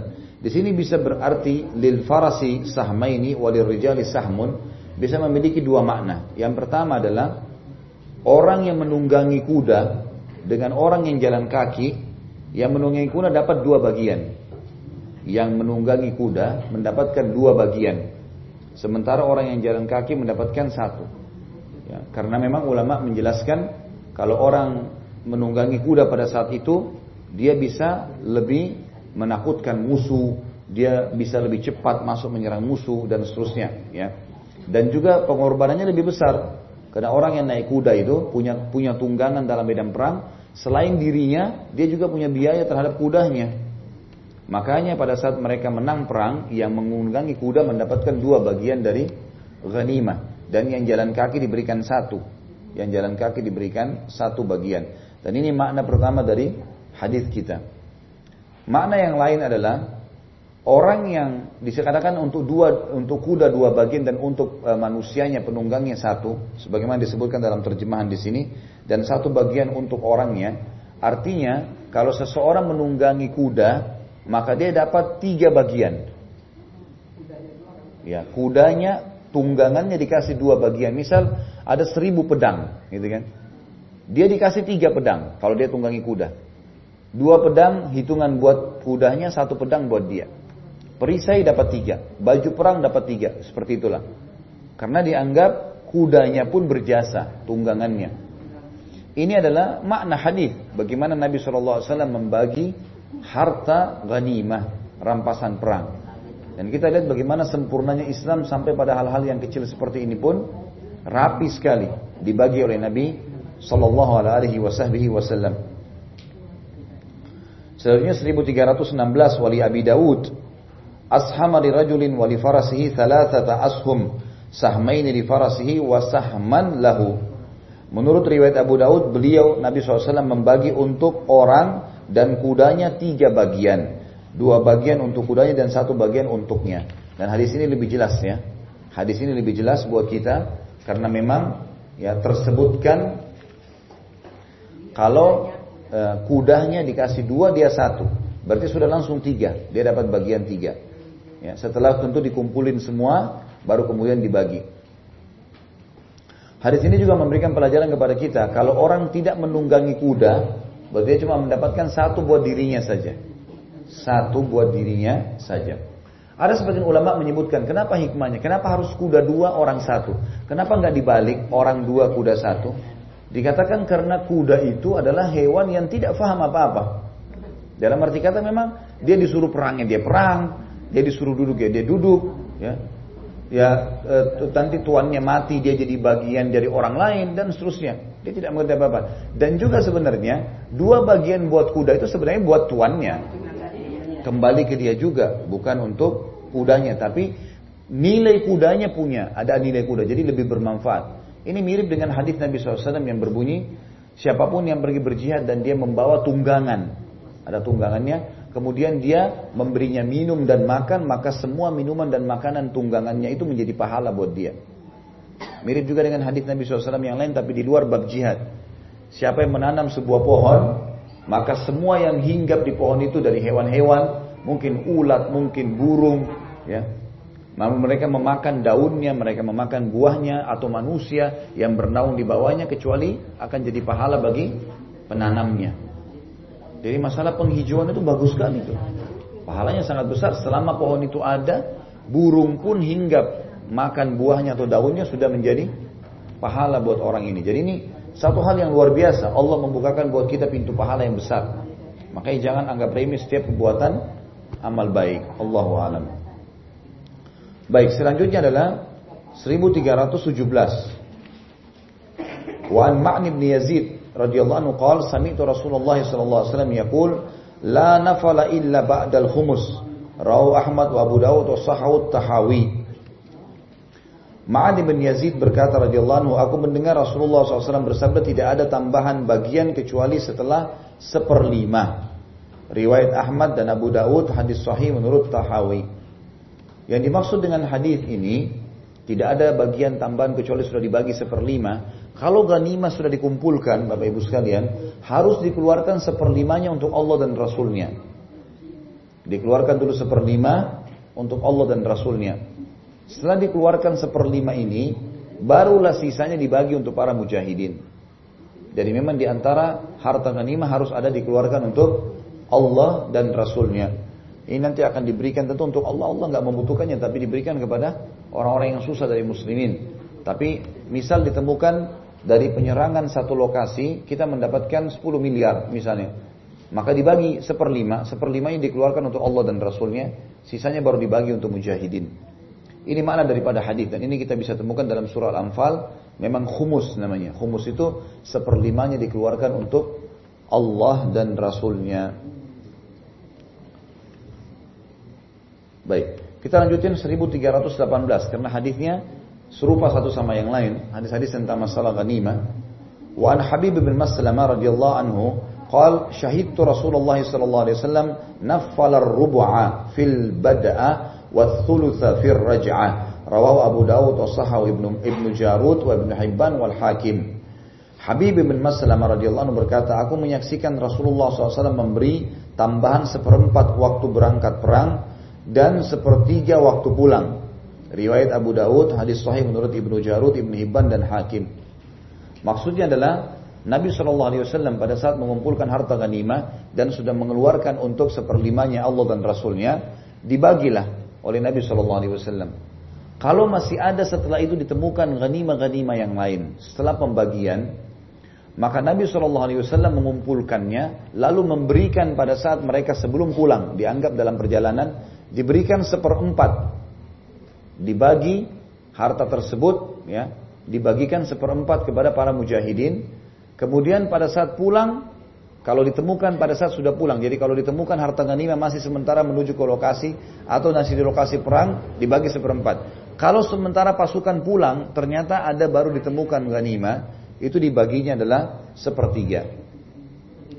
Sebagaimana disebutkan di sini, iya. Karena memang di pasukan muslimin itu di pasukan Nabi SAW selalu ada saja orang-orang yang Nabi suruh tunggu di belakang. Jadi menyisir lokasi perang. Masih ada nggak yang tertinggal ghanimah? Cari kalau masih ada perisai di sana, masih ada emas di sana. Pernah di Khaybar ditemukan setelah dibagi harta rampasan perang, ditemukan ada emas yang tertimbun. Banyak sekali orang Yahudi menanamnya di tanah. Tapi sudah dibagi ghanimah. Nah ini dibagi lagi dan ini dibaginya seperempat. Untuk Allah dan Rasulnya. Ya. Enggak, maksud saya seper, seperempat ini dibaginya caranya adalah dibagi perempat. Ya dibagikan kepada para mujahidin. Nanti misalnya kan tadi orang yang pakai kuda sama jalan kaki kan beda. Nah, nanti dibagi empat harta tersebut ghanimah itu lalu kemudian diberikanlah seperti ini. Misal ada orang jalan kaki satu orang, ada satu orang naik kuda sama jalan kaki, kan sudah empat nih. Ini tiga, ini satu kan, sudah empat. Seperti itulah dibaginya. Itu kurang lebih gambaran tentang masalah seperempatnya.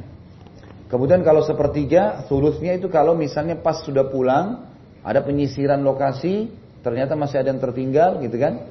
Maka ini adalah dibagi. Sama juga kalau sekarang misal pasukan sudah perang nih, sudah menang, sudah dibagi ghanimah, kemudian pulang ke lokasi kita, masih ada musuh yang coba menyerang lagi, misalnya ada pesawat tempur lah, ada apalah segala macam menyerang lagi, menyusul serangan. Lalu kemudian dijatuhkan oleh muslimin, berhasil menang.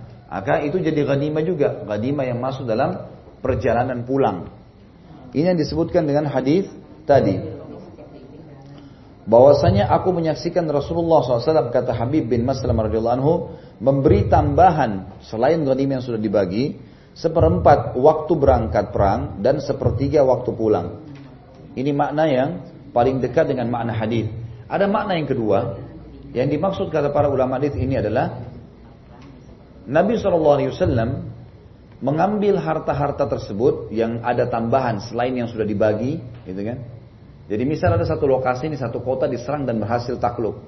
Dibagi, dikumpulin harta rampasan perang, kemudian dibagi. Seperlima untuk Allah dan Rasulnya, sisanya dibagi kepada mujahidin. Baik ternyata setelah tinggal di situ beberapa hari ditemukan ada ghanimah-ghanimah. Dikumpulin lah. Nabi SAW membagi dua kali. Membagi sekali seperempat di lokasi perang. Membagi lagi tambahannya sepertiga pada saat pulang. Jadi Nabi SAW membagi dua ghanimah itu. Membagi dua ghanimah tersebut. Kalau ada ghanimah tambahan, beliau bagi seperempat di lokasi yang masih ada. Pada saat pulang, dibagi lagi sepertiganya. Kenapa terjadi seperti ini? Sebagian ulama hadis menanggapi, mengatakan Nabi SAW ingin memastikan apakah pasukan akan ikut kembali atau enggak. Karena memang pasukan perang itu dianjurkan untuk ting tidak tinggal di satu lokasi.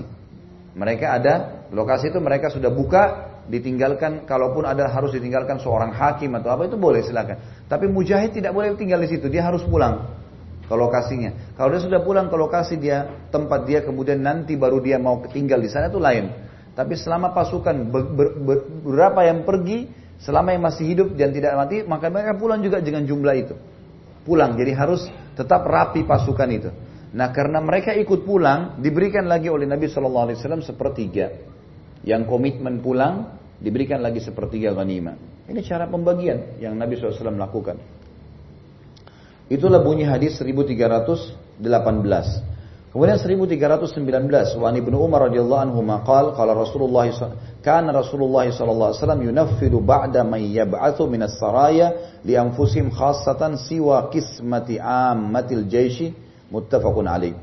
Ibnu Umar berkata radhiyallahu anhu Rasulullah SAW memberi tambahan khusus kepada sebagian tentara yang beliau kirim selain bagian resmi para prajurit muttafaqun alaih. Jadi misal gini, ada mata-mata yang dikirim, gitu kan? Sebelum pasukan berangkat, biasanya ada orang yang dikirim untuk meneliti e, lokasi, nanti memata-matai lalu kemudian menginformasikan, nih ada di sana tuh begini jumlah mereka, keadaannya begini. Biasa berapa hari sebelumnya mereka sudah jalan. Ini strategi perang lah, gitu kan? Tapi ibu-ibu juga perlu tahu saja informasinya. Ini sebenarnya buat bapak-bapak. Gitu. Jadi yang jelas eh, strategi perang adalah bagaimana Nabi SAW sering mengutus pasukan pengintai. Pergi dulu. Pergi ke sana beberapa orang. Nah pasukan pengintai ini dianggap pasukan yang penting. Karena mereka membawa informasi besar untuk pasukan ini. Nah untuk orang-orang yang pasukan pengintai ini punya tambahan. Selain ghanimahnya yang dia akan dapatkan pada saat pasukan menang, juga Nabi SAW mengeluarkan untuk mereka. Tetapi di sini tidak disebutkan jumlahnya. Khusus ini tidak disebutkan jumlahnya. Yang pasukan pengintai tadi yang memata-mata itu tidak tidak tidak disebutkan jumlahnya. Yang jelas Nabi SAW mengkhususkan untuk mereka. Karena dianggap ini ada jasa tambahan. Dianggap ini ada jasa tambahan. Dan kita lihat di sini bagaimana keadilan Islam dan keadilan Nabi SAW dalam membagi harta rampasan perang. Gitu kan? Jadi semua orang dinilai sesuai dengan juhudnya, sesuai dengan upayahnya. Makanya juga tadi saya bilang pada pertemuan yang lalu juga sudah saya bilang kalau ada orang yang duel dengan orang kafir, maka dia berhak mengambil nanti kalau orang kafir itu mati yang, yang dia milikin gitu kan. Kalau duel sebelum terjadi peperangan. 1320 berbunyi wa anhu radhiyallahu anhu qal kunna nusibu fi magazinal asala wal inaba fatakuluhu wala fanakuluhu wala narfa'uhu. Rawahul Bukhari wa Abi Dawud falam yu'khad minhul khumus wa sahahu Ibnu Hibban. Dia juga berkata maksudnya adalah Ibnu Umar radhiyallahu anhu kami pernah memperoleh madu dan anggur dalam peperangan kami. Jadi ada di tempat musuh ada banyak madu, banyak anggur gitu kan. Lalu kami makan dan kami tidak laporkan. Diriwayatkan Bukhari, menurut riwayat Abu Daud, tidak diambil seperlima darinya. Hadis sahih menurut Ibnu Hibban. Hadis ini memberikan gambaran kepada kita kalau makanan dan minuman tidak masuk dalam ghanimah. Jadi kalau orang dapat roti kah, e, misalnya dia dapat makanan kah gitu kan, dari medan perang, maka itu dia halal untuk makan, tidak ada masalah. Tidak perlu iya, tidak perlu dikumpulin baru dibagi dulu enggak gitu kan? Dan ini bebas, gitu kan? Tentu saja kita sudah tahu di antara hikmahnya adalah tentu tidak tidak mungkin ada orang bawa gentong madu pulang dari peperangan kan gitu. Paling mereka konsumsi sebagian.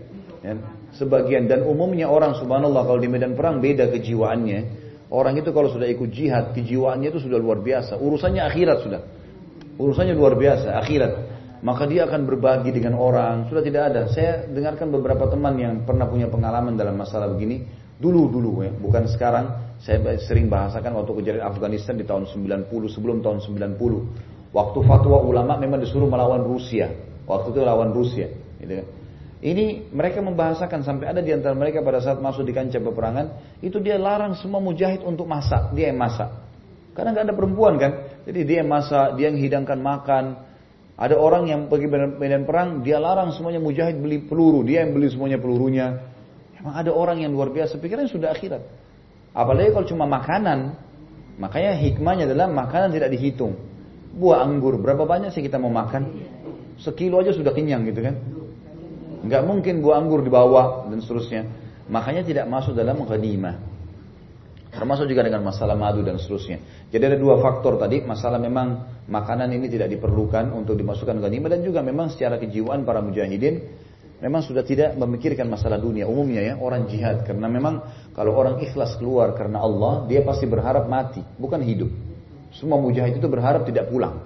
Bagaimana mereka pergi mati syahid. Udah masuk surga. Nunggu apa lagi gitu. Toh juga pulang ke negaranya pasti mati kan ini. Dan ini ibadah mulia. Masuk surga tanpa hisab, dimaafkan semua dosanya, nggak ada fitnah kubur. Wah, luar biasa fadilah yang sangat besar. Gitu kan? Maka itu yang dimaksud dengan hadis ini, jadi kami memakannya dan kami tidak melaporkan. Karena memang semuanya harus dilapor. Kalau kita masuk medan perang kita temukan sapu tangan kah, sendok kah, harus lapor semua. Kumpulin semua. Pokoknya benda materi nggak bisa. Laporin semua. Makanan, minuman tidak. Termasuk pakaiannya, semua dilaporin. Orang dapat pakaian, dapat apa saja, laporin semua. Jadi makanan dan minuman saja yang dikecualikan.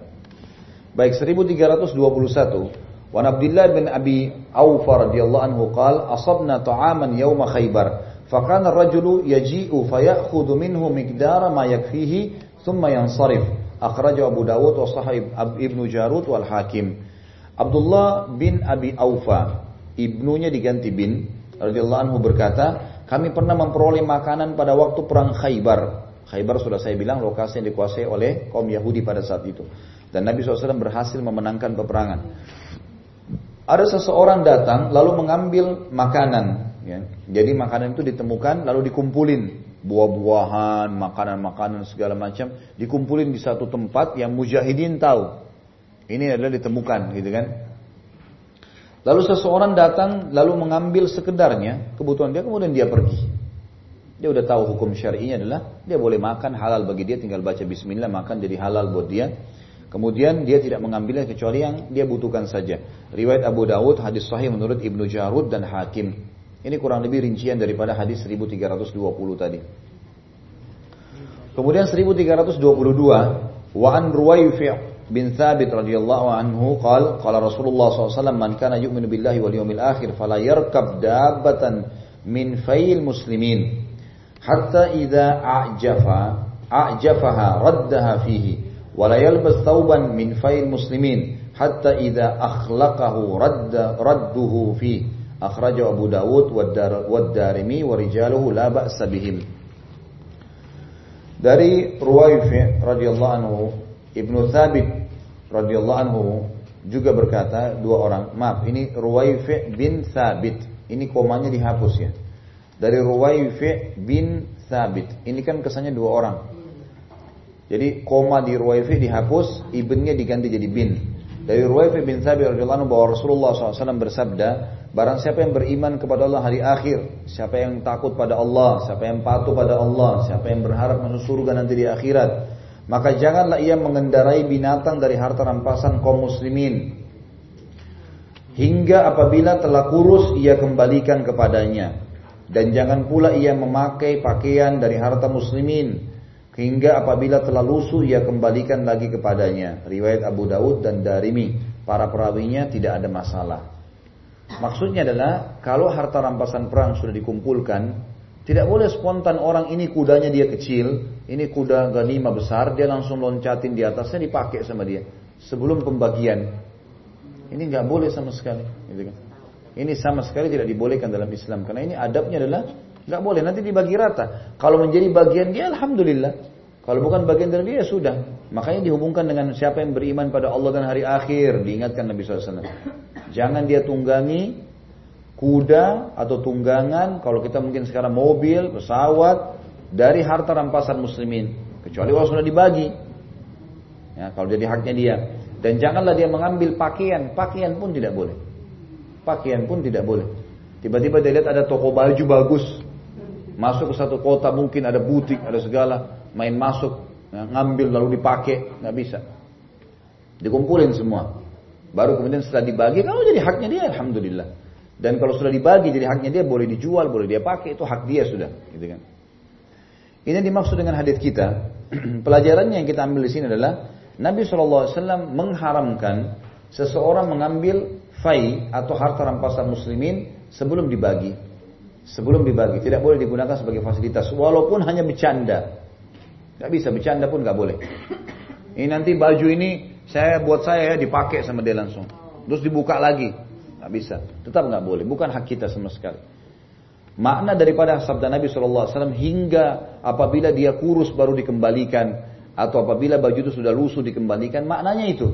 Artinya kalau dia pakai terus kemudian bernoda. Siapa yang bertanggung jawab? Sementara ini masih belum dibagi, masih milik bersama ini. Maka kalau dia nodai, maka ini masalah. Ini dosa dia. Nggak boleh. Kan bisa saja tumpah minuman.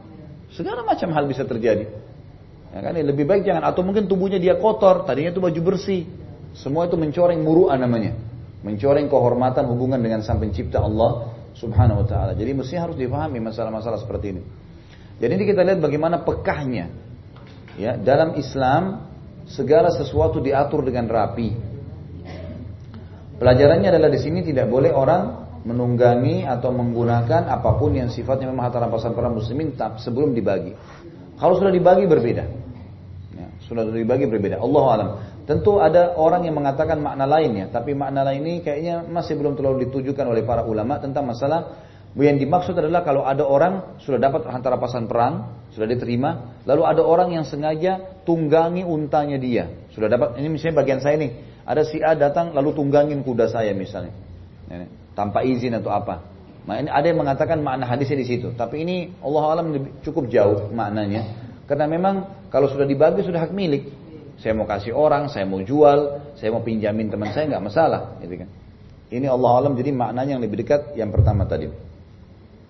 1323 wan Abi Ubaidah eh, wan Abi Ubaidah bin Jarrah radhiyallahu anhu qala sami'tu Rasulullah SAW yaqul yujiru 'alal muslimina ba'duhum akhraj Ibnu Abi Syaibah wa Ahmad wa fi isnadihi dha'fa dha'f Abu Ubaidah bin Jarrah radhiyallahu anhu sama ibn diganti bin berkata aku mendengar Rasulullah SAW bersabda sebagian orang muslim boleh menanggung keamanan seorang kafir atas kaum muslimin riwayat Abu Abi, uh, riwayat Ibnu Abi Syaibah dan Ahmad dan juga dalam sanadnya ada kelemahan. Yang dimaksud dengan hadis ini adalah hampir sama dengan hadis setelahnya 1324 saya bacakan dulu karena berhubungan. Walid Tayalisi min hadithi Amr bin As yajiru alal muslimina adanahum. Riwayat At-Tayalisi dari hadis Ibnu Umar uh, Umar bin uh, Amr bin As ya. Ini terjemahnya keliru nih. Umar ditulis ya. Nomor 1324 ganti itu. Umar diganti Amr. Amr bin As radhiyallahu anhu orang muslim yang paling rendah boleh menanggung keamanan seorang kafir atas nama muslimin. Baik. Di sini kita lihat Bapak Ibu, Ibu sekalian hadis ini menjelaskan kepada kita tentang bolehnya seorang muslim melindungi orang kafir melindungi orang kafir misalnya dia mengatakan ini adalah di bawah lindungan saya bahasa saja bahasa saja di medan perang misalnya, ada orang kafir minta tolong sama dia. Tolong saya, supaya saya nggak terbunuh misalnya. Baiklah, kamu saya lindungin. Bahasa dia kamu saya lindungin, itu udah cukup membuat tidak ada muslimin yang boleh ganggu si kafir itu. Karena perlindungan satu orang muslim menutupi perlindungan semuanya. Kalau hadis 1324 menjelaskan perlindungan orang muslim yang paling rendah, maksudnya adalah orang mungkin yang paling miskin, ya, orang yang dianggap anggaplah orang itu bodoh misalnya, ya, maka tetap berlaku seperti berlaku orang yang paling tinggi di antara mereka. Makanya pada saat pasukan Amr bin uh, Sa'ad bin Abi Waqqas ingin menembus uh, uh, Persia dengan 30 ribu pasukan menghadapi 240 ribu pasukan Persia, itu sempat uh, Sa'ad bin Abi Waqqas utus orang, gitu kan. Orang ini datang, kemudian dia bertemu dengan orang-orang uh, orang-orang Persia, lalu orang Persia mengatakan, untuk apa kalian datang ke sini?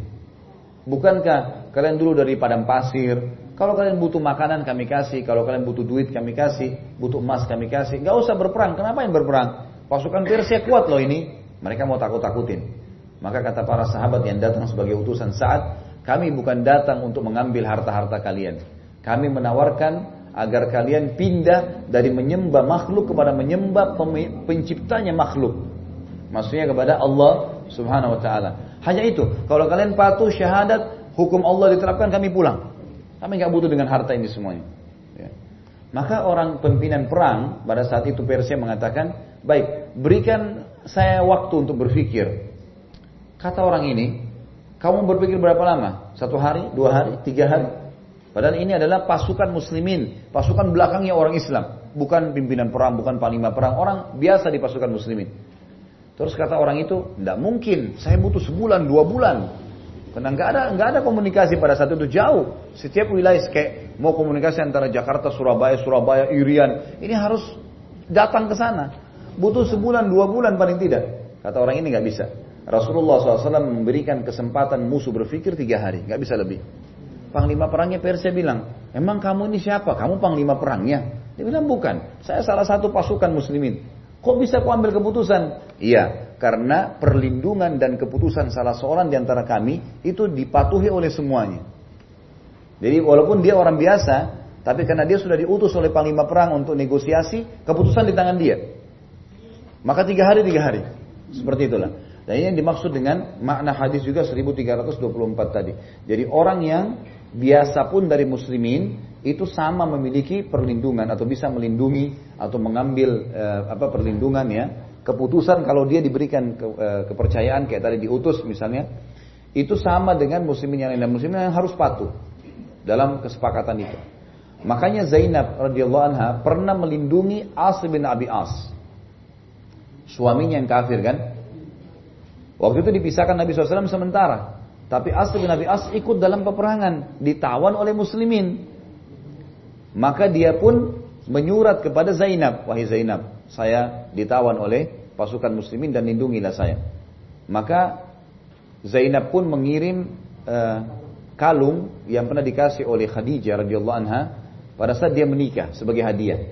Ditulis dibilangkan ini adalah tebusan tebusan Zainab untuk Asma bin As. Dan habis sholat Zainab mengatakan dari sab perempuan, wahai muslimin, saya telah melindungi Asma bin Abi As, perempuan loh. Saya melindungi ini, ini orang kafir, dulu suami saya, tapi sekarang dalam keadaan tawanan perang, saya melindunginya.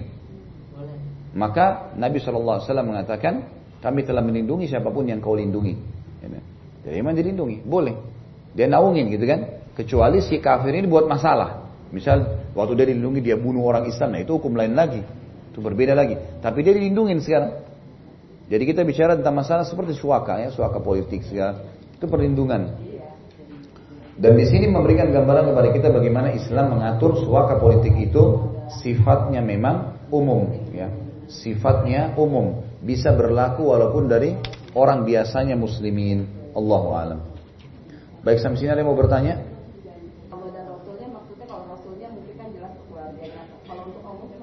Ya nanti nanti Rasulullah SAW yang bagikan, bagikan ke orang miskin, ya di jalan Allah.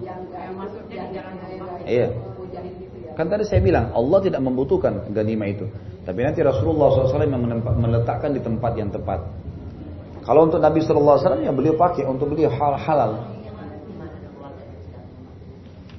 Kenapa?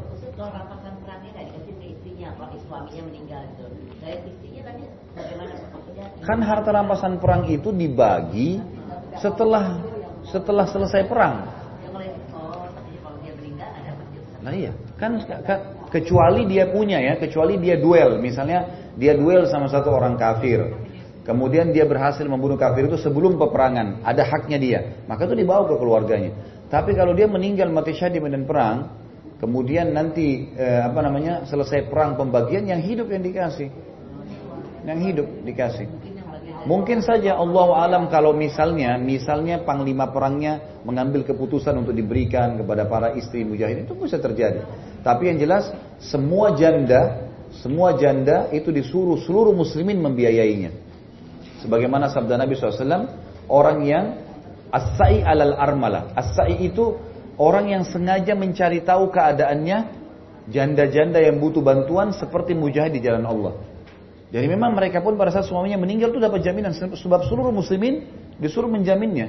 Berlumba-lumba dan yang menjamin si janda tadi ini memberikan makanannya segala macam itu adalah seperti orang mujahid di jalan Allah. Memang itu memang ada hukum-hukumnya seperti itu. Baik. Pertanyaannya Ibu begini. Bagaimana kita memahami firman Allah dalam Al-Baqarah 256, A'udzubillahi minasyaitonirrajim, la ikraha fid din. Tidak ada paksaan dalam agama.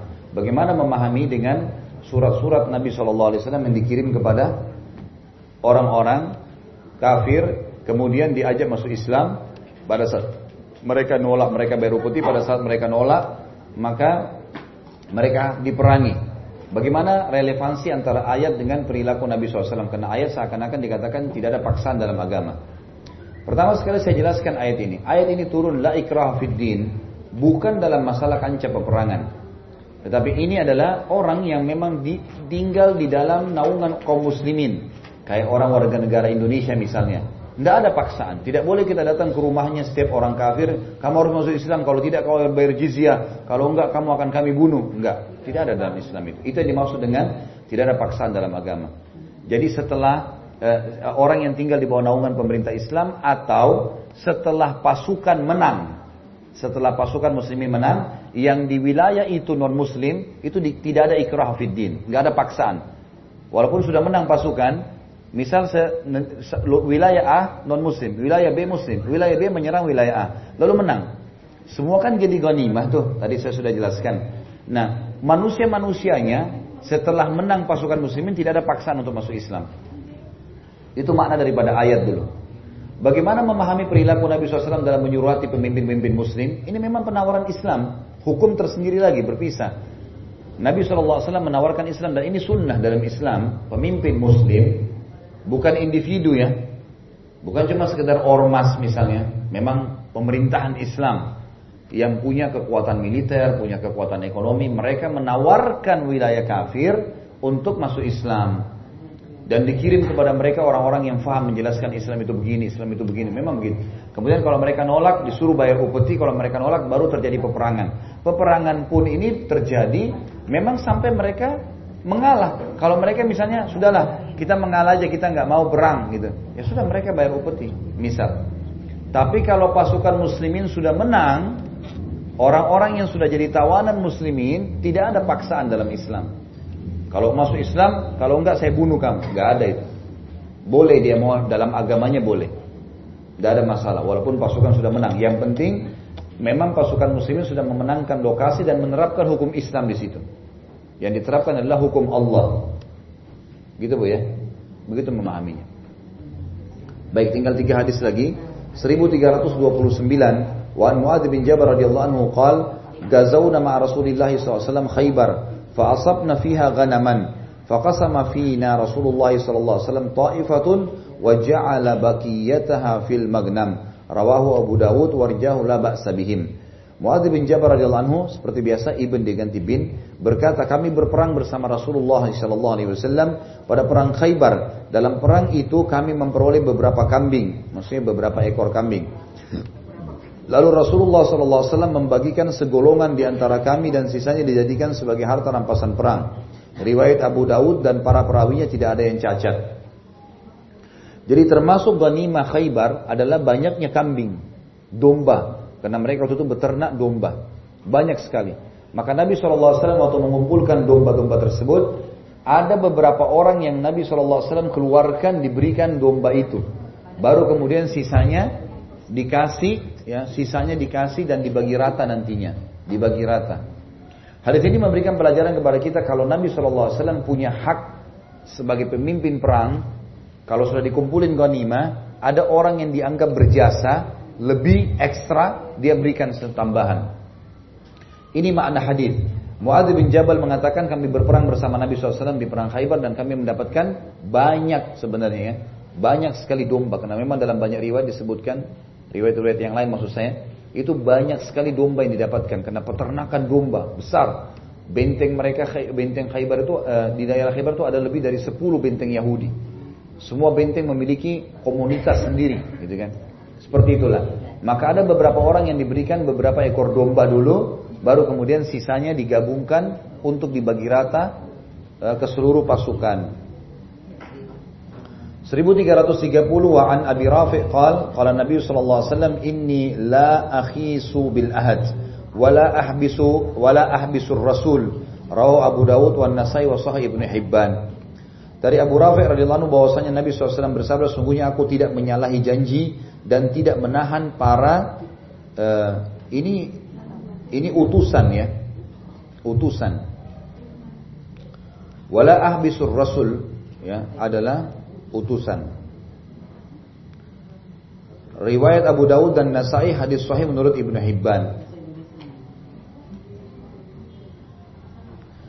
Hadis ini memberikan gambaran kepada kita kalau umat muslimin, kaum muslimin tidak boleh berkhianat. Kalau ada kesepakatan misalnya damai, ya damai. Ada kesepakatan jizya, jizya. Nggak boleh kita berkhianat. Jangan sampai orang sudah setuju untuk jizya, Lalu kemudian mereka buka bentengnya, kita masuk langsung kita menyerang, main bunuh. Gak bisa dalam Islam, gak ada itu semua. Gak boleh. Kata Nabi SAW, saya tidak akan merusak kesepakatan, janji yang sudah ditulis. Tidak akan ada khianat. Dan juga aku tidak akan membunuh atau menahan para utusan. Jadi biasanya ada orang yang diutus e, untuk apa? Membawa surat. Itu gak akan mungkin dibunuh. Dan itu sudah menjadi kesepakatan perang sebenarnya ya. Sekarang pun begitu sama kalau kita duta. Ya, sekarang kan sudah lebih rapi ada kantornya duta. Duta itu adalah utusan kan. Mereka mewakili. Maka mereka nanti kalau kalau kalau pemerintah kita misalnya mau bicara sama pemerintah Amerika nanti duta kita di sana yang ngomong sama pemerintah sana seperti itulah. Nah seperti itu utusan. Nah ini semua tidak boleh diganggu. Ini juga sekarang secara internasional ada memiliki hukum tersendiri. Mereka seperti negara dalam negara gitu kan tidak boleh masuk sembarangan. Makanya setiap kedutaan punya hak untuk meletakkan security, boleh memasukkan siapa yang dia mau dan tidak mau itu memang peraturan. Dan itu sesuai dengan syariat Allah taala. Jadi memang tidak boleh sama sekali diganggu utusan-utusan ini. Memang mereka mengatasnamakan apa pun yang mereka ingin sampaikan. Nanti kita negosiasi kalau bertolak belakang dengan Islam. Oh ini kami nggak setuju. Harusnya begini. Negosiasi. Baik hadis terakhir dalam masalah uh, hadis kita. Ini kalau masih ingat juga di poin ini saya pernah sampaikan di perang Khaybar Pernah ada orang berkulit hitam itu dari Afrika yang menjadi budaknya orang Yahudi dan dia menggembala domba. Kan dombanya digiring sama dia. Domba Yahudi ini banyak, mungkin ratusan ekor dibawa sama dia ke pasukan muslimin. Orang-orang Yahudi pikir atau orang ini keluar dari benteng, dia mau memberikan makan domba-domba. Dan biasanya di kancah peperangan tidak ada orang yang menyerang peternak atau penggembala kambing. Ini nggak ada orang yang nyerang, nyerang pasukan dianggap memalukan kalau menyerang orang-orang seperti ini, ini tidak bukan pasukan perang gitu kan. Maka orang ini pula keluar dari benteng, orang Yahudi pikir dia mau memberikan makan ternak, ternyata dia masuk ke pasukan muslimin. Lalu kemudian dia mengatakan, "Ya Rasulullah, saya mau masuk Islam. Saya tertarik dengan agama Anda." Syahadatlah dia. Setelah syahadat, kata dia, "Ya Rasulullah, bagaimana domba-domba ini?" Ini domba Yahudi. Kata Nabi SAW, kami tidak akan mengambil sesuatu yang diamanahkan. Kembalikan. Padahal domba ini sudah sampai ke Nabi SAW. Ratusan ekor jumlahnya. Bisa memberikan makan pasukan kan? Enggak. Kami tidak akan mengambil yang diamanahkan. Ini amanah buat kamu kembalikan. Ya Rasulullah, kalau saya bawa kembali ke benteng, saya dibunuh Yahudi. Mereka udah tahu nih saya masuk Islam, gitu kan? Kata Nabi SAW, lepaskan saja, ya. Maka dia akan kembali sendiri. Kata para sahabat kami pun menyaksikan pada saat dia melepaskan um, uh, kambing-kambing itu, domba itu, kami melihat seperti digiring oleh seorang pengembala. Jalan sendiri sampai ke benteng orang-orang Yahudi. Jadi lihat bagaimana muslimin tidak boleh sembarangan mengambil harta. Walaupun ini sudah jelas sampai di pasukannya. Jadi, ya. kecuali kita sudah menang, menguasai tempat, makanannya jadi halal. Dan juga pelajaran dari sini, eh, masalah ghanimah, tadi kan yang tidak masuk dalam pembagian kalau makanan jadi ya, kayak madu, kayak roti, buah-buahan, ini tidak masuk. Tapi kalau domba, memang nanti bisa jadi makanan, tapi masih hidup. Ini adalah harta rampasan perang. Hewan-hewan harta rampasan perang. Jadi dikumpulin baru dibagi. Yang terakhir dalam bab kita adalah 1000 hadis 1331. Wa Nabi Hurairah anhu bahwasanya wa Abi Hurairah radhiyallahu anhu anna Nabi anna Rasulullah SAW qala ayyuma qaryatin ataitumuha fa'aqam fa'aqamtum fiha fasaham fasahmukum fiha saya ulangi kembali ayyuma qaryatin ataitumuha fa'aqamtum fiha fasahmukum fiha wa asatillaha wa rasulahu fa lillahi wa thumma hiya lakum rawahu muslim. Dari Abu Hurairah bahwasanya Rasulullah SAW bersabda negeri mana pun yang engkau datangi lalu engkau berdiam di dalamnya maka bagianmu berada di dalamnya. Dan negeri mana pun yang durhaka kepada Allah dan Rasulnya maka seperlima dari hasilnya adalah milik Allah dan Rasulnya dan sisanya untuk kalian. Hadis riwayat muslim. Yang dimaksud dengan hadis ini adalah negeri mana pun yang engkau datangi lalu engkau berdiam di dalamnya dalam arti kata memang kita datang ke satu negeri kemudian kita tinggal jadi penduduk negeri itu lalu kemudian terjadi sesuatu di situ dalam negeri itu terjadi peperangan antara muslim sama kafir. Dalam negeri itu. Kayak Indonesia misalnya terjadi perang antara muslimin sama orang muslim di sini. Maka semuanya kalau muslimin menang menjadi hak muslimin. Paham ya maksudnya? Jadi kena dari dalam bergejolak.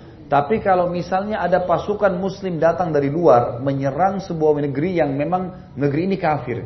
Yang dimaksud dengan durhaka kepada Allah dan Rasulnya ditawarkan Islam nggak mau. Tawarkan jizyah nggak mau, kalian perangi dari luar, kalian dari luar negeri itu datang. Lalu kalian berkuasa, berhasil mendapatkannya, maka seperlimanya dikasih untuk Allah dan Rasulnya. Artinya pendatang dari luar, gitu kan? Yang akan mendapatkan itu. Jadi ada pembagian Allah. Yang dimaksud saya simpulkan lagi kembali, kalau wilayah itu ternyata ribut di dalam gejolak perang antara muslimin sama kafir, nggak ada pasukan muslim dari luar yang masuk dari dalam sehingga mereka membela wilayahnya sendiri, maka itu berarti bagi semua harta rampasannya yang didapat di dalam untuk mereka saja. Nggak ada lagi pembagian seperlima untuk Allah dan Rasulnya.